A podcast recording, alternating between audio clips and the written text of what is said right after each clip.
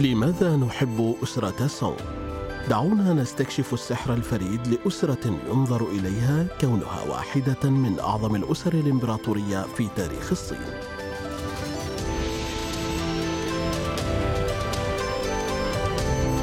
الحلقة الثانية والعشرون موشحات سونغ من القلب في هذه الحلقة سنلقي نظرة على ما كان يغني به كتاب موشحات تسو من أسرة سونغ في موشحات تسو خاصتهم. وكيف تعطينا موشحات تسو نظرة ثاقبة مذهلة عن حياة الناس وما أحبوه؟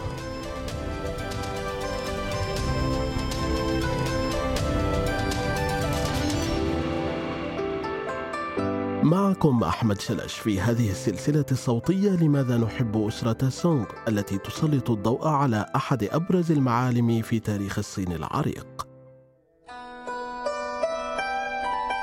رأيتك للمرة الأولى في مأدبة دونشي مرتدية تنورة من الحرير الرقيق المطرز بفراشات مزدوجة. وجهك الجميل مطلي بلمسة من البودرة فقط تماما مثل زهرة برية برائحة رقيقة. جميل من جميع النواحي والجميع يمدح خصرك النحيف.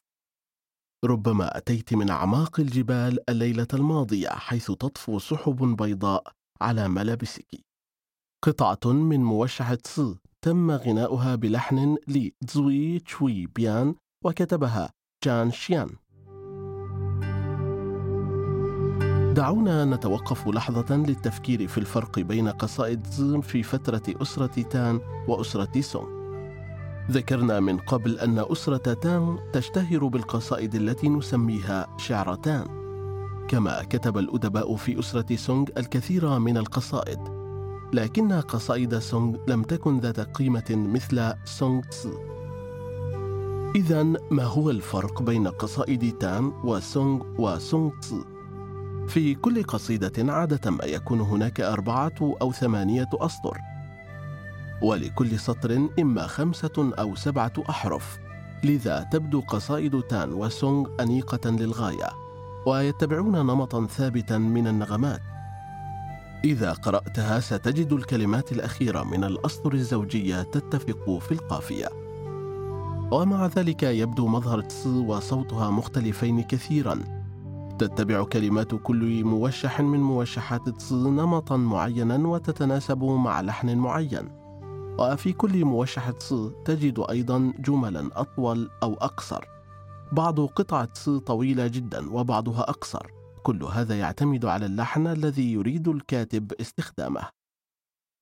عادة ما يتم نقل هذه الألحان من أوقات سابقة.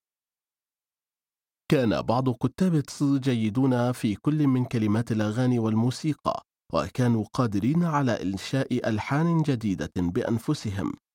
كان جيانكوي أحد هؤلاء الكتاب. نذكر في الحلقة السابقة أنه كتب موشحين تس العطر الغامض وظلال مشتتة من خلال كتابة كلمات وإنشاء نغمات جديدة. في وقت لاحق أصبح العطر الغامض وظلال مشتتة ألحانا معروفة جيدا.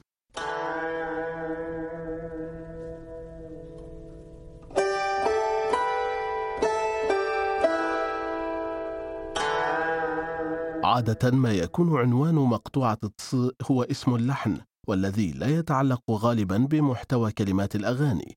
لذلك قد تجد أن كتاب مختلفين كتبوا موشحات تص تحمل الأسماء نفسها. في بعض الأحيان يضيف الكاتب عنوانا بعد اسم اللحن لإخبارنا عن محتوى المقطوعه على سبيل المثال ذكرنا أن الشاعر سو شي كتب تس استنادا إلى لحن سحر يانو وأضاف عنوانا. لذلك أصبح الاسم الكامل لهذه القطعة سحر يانو ذكريات فوق الجرف الأحمر. للأسف ضاعت غالبية الألحان المستخدمة في تدريجيا في التاريخ. اليوم إذا كان الناس يرغبون في كتابة تص فإنهم ببساطة يتبعون أنماط كلمات الأغاني دون الرجوع إلى اللحن. يمكننا الآن فقط قراءة سونغ بدلا من غنائها. كما وجدنا في كثير من الأحيان عند فحص الأجزاء الفنية التي نجت من عهد أسرة سونغ عند الحفر بعمق يمكن أن تتوفر لك ثروة من المعلومات حول الحياة اليومية في ذلك الوقت. تم كتابة سونغ تسو الذي بدأنا به هذا البودكاست حول محظية. من الواضح أن الشاعر مفتون بها وصف طريقة لبسها ومكياجها ورائحتها. كل شيء عنها طبيعي مع القليل من الحيلة. ولكن هل هناك المزيد عنها؟ لكننا نحتاج إلى سياق صغير هنا لأننا نعلم أن الأمر لم يكن يتعلق فقط بالشكل الفني في عهد أسرة سونغ ولكن أيضا بالطريقة التي استمتع الناس بها والذين شاركوا في إنشائها يستمتعون بهذه العملية.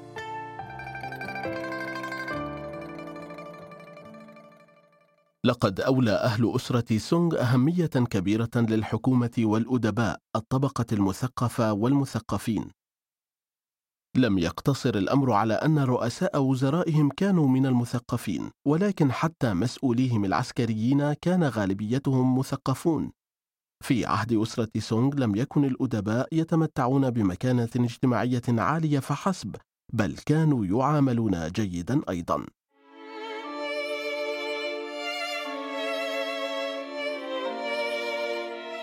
غالبا ما شجعهم الأباطرة على تجميع ثرواتهم الشخصية الذين كانوا يخشون أن أجورهم ليست عالية بما يكفي. لذلك لم يكن المسؤولون متعلمين جيدا فحسب بل كان لديهم أيضا القليل من المال الذي ينفقونه على الغناء والرقص والذي تضمن الاستمتاع بشعر سونغ تسو. غالبا ما تعبر كلمات التي نتجت في محيط مريح عن المشاعر. كان المسؤولون في غفلة يمكنهم الاستمتاع بالترفيه الذي كان شخصيا بدرجة أكبر وربما يمنحون نطاقا متسعا لأوهامهم أو شؤون القلب. على الرغم من أن الرجال كتبوا العديد من سونغ إلا أنهم غالبا ما كانوا يروون القصص من منظور أنثوي. ويتغنون باللباقة والجمال والعواطف.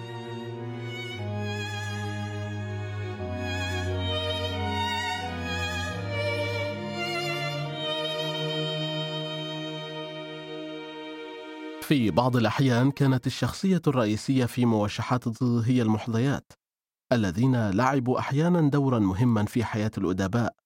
غالبا ما كانت هذه القصائد الصوتية هي الطريقة الوحيدة التي يمكن للمسؤولين من خلالها التعبير عن أعمق مشاعرهم حول حبهم الحقيقي.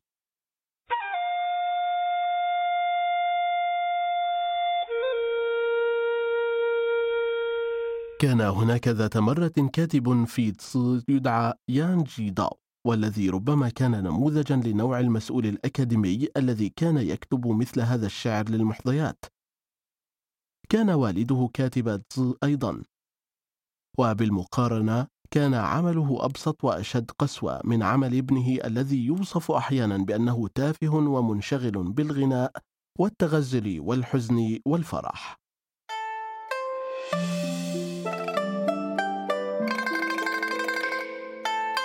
في سنواته الأولى كانت عائلته غنية جدا لكنها سقطت من النعمة وتراجعت بشكل خطير. وقد يكون هذا قد لعب دورا في تشكيله ككاتب تصو يقولون إن أفضل فن تحمله المعاناة على كل حال.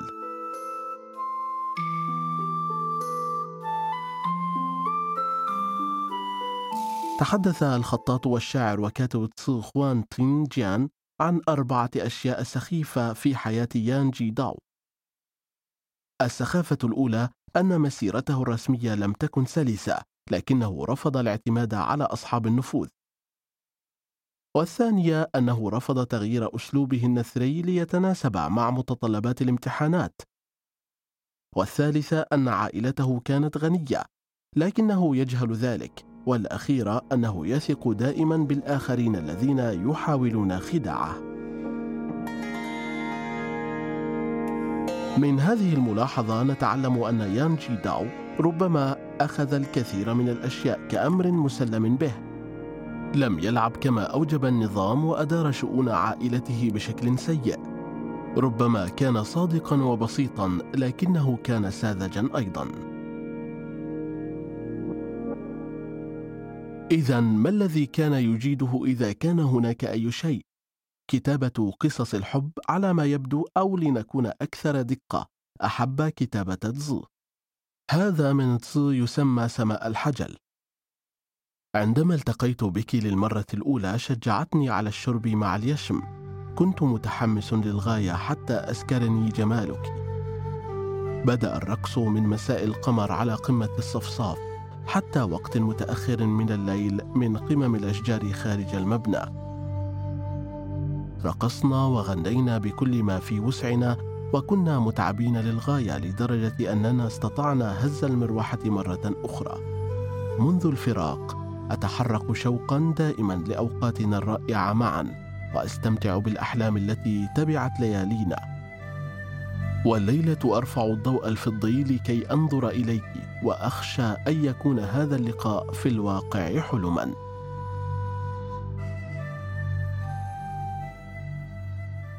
هل شاعرنا ينتحب حقا على فقدان الحب أو ربما فقدان مكانته وثروته أيضا؟ قد يكون حنونا تجاه المطربات المحظيات من معارفه لكنه شعر بألم الفشل الاجتماعي أيضا. في الحلقة السابقة تطرقنا إلى جذور شعر سونغ تسو في الأغاني الشعبية التي غناها الناس في شوارع المدن. كانت مدن الصونغ كبيرة ومزدهرة. يبلغ عدد سكان بعضها أكثر من مئة ألف شخص. حتما انتهت حياة المدينة في موشحة سونغ تسو كتب ليو يونغ أحد أشهر كتاب سونغ تسو مقالات كانت جزءا من رحلات سفر وجزءا من التعليقات الاجتماعية حول مدن مثل بيانجين والوويان وييجو ويانجو وكوايجي وجينلين وخانجو. في موشح صب الكأس يصف صخب الناس خلال مهرجان الفوانيس الذي يصادف اليوم الأخير من احتفالات العام القمري الصيني الجديد. يتغير ضوء العاصمة والقمر مستدير للغاية في هذه الليلة. تعزف الفرقة المسرحية ومكتب الموسيقى الموسيقى. يبدو الليل مشرقا ومكث الناس في الشارع. يتذكر الكاتب الصيني العظيم والزعيم العسكري شينشي جي شوارع الاحتفالات الصاخبة في عمله مهرجان المصابيح الذي يغنى على أنغام طاولة اليشم الخضراء. مثل هذا الوصف للمؤرخين لا يقدر بثمن. يوقظ نسيم الربيع الليلي المصابيح على ألف شجرة وتتلألأ الألعاب النارية مثل زخات النجوم أيضا. تلتف الخيول القوية والعربات المنحوتة بلا نهاية على طول الطرق. تغني المزامير مثل طائر الفينيق وتتراقص فوانيس اليشم وتلمع. ترقص التنانين والأسماك طوال الليل مزينة بقلادات مثل العث أو الصفصاف محفوفة بمصوغات مخرمة. تمر السيدات وهي تهمهم وتضحك تاركات روائح نفاذة خلفهن. أنا الذي سعيت إليها ألف ومئة مرة.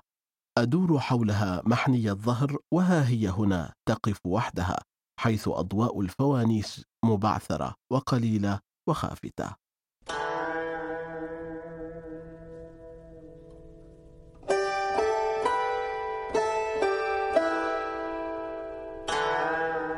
بالمناسبة هذه حقيقة ينبهر الجيران بها. هذا السطر أنا الذي سعيت إليها ألف ومئة مرة باللغة الصينية 众里寻他千百度. هل يبدو آخر حرفين مألوفين؟ كان مصدر إلهام لمحرك البحث الصيني بايدو مثل جوجل للتعبير عن الشعور بالسعي إلى التراجع عن الجمال وسط سحر الفوضى والبحث عن أحلامك والمثابرة على الرغم من عوائق الحياة العديدة. يا له من وصف مثالي للبحث في الويب.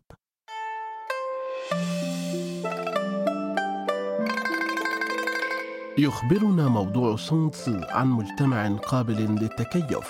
لقد تحملوا مسؤولية المجتمع وسعوا مع ذلك إلى المتعة الشخصية. لقد حاولوا دمج الحياة الحضرية مع وحشية الريف. ذهبوا في عطلة مثل ما تفعل أنت لزيارة المواقع السياحية مثل ما نفعل اليوم. كان لديهم وجه عام ومع ذلك تمتعوا بخصوصية حدائقهم الخاصة. كانوا يبثون أشواقهم. لقد أحبوا تجربة الحياة كما أحبوا ملاحظتها أيضا. فيما يتعلق بشعر سونغ تسو لم يكن هناك موضوع يسمى بالمحظور.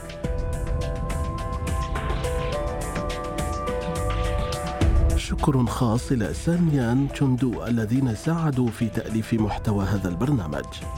كان معكم أحمد شلش. نشكركم على حسن استماعكم.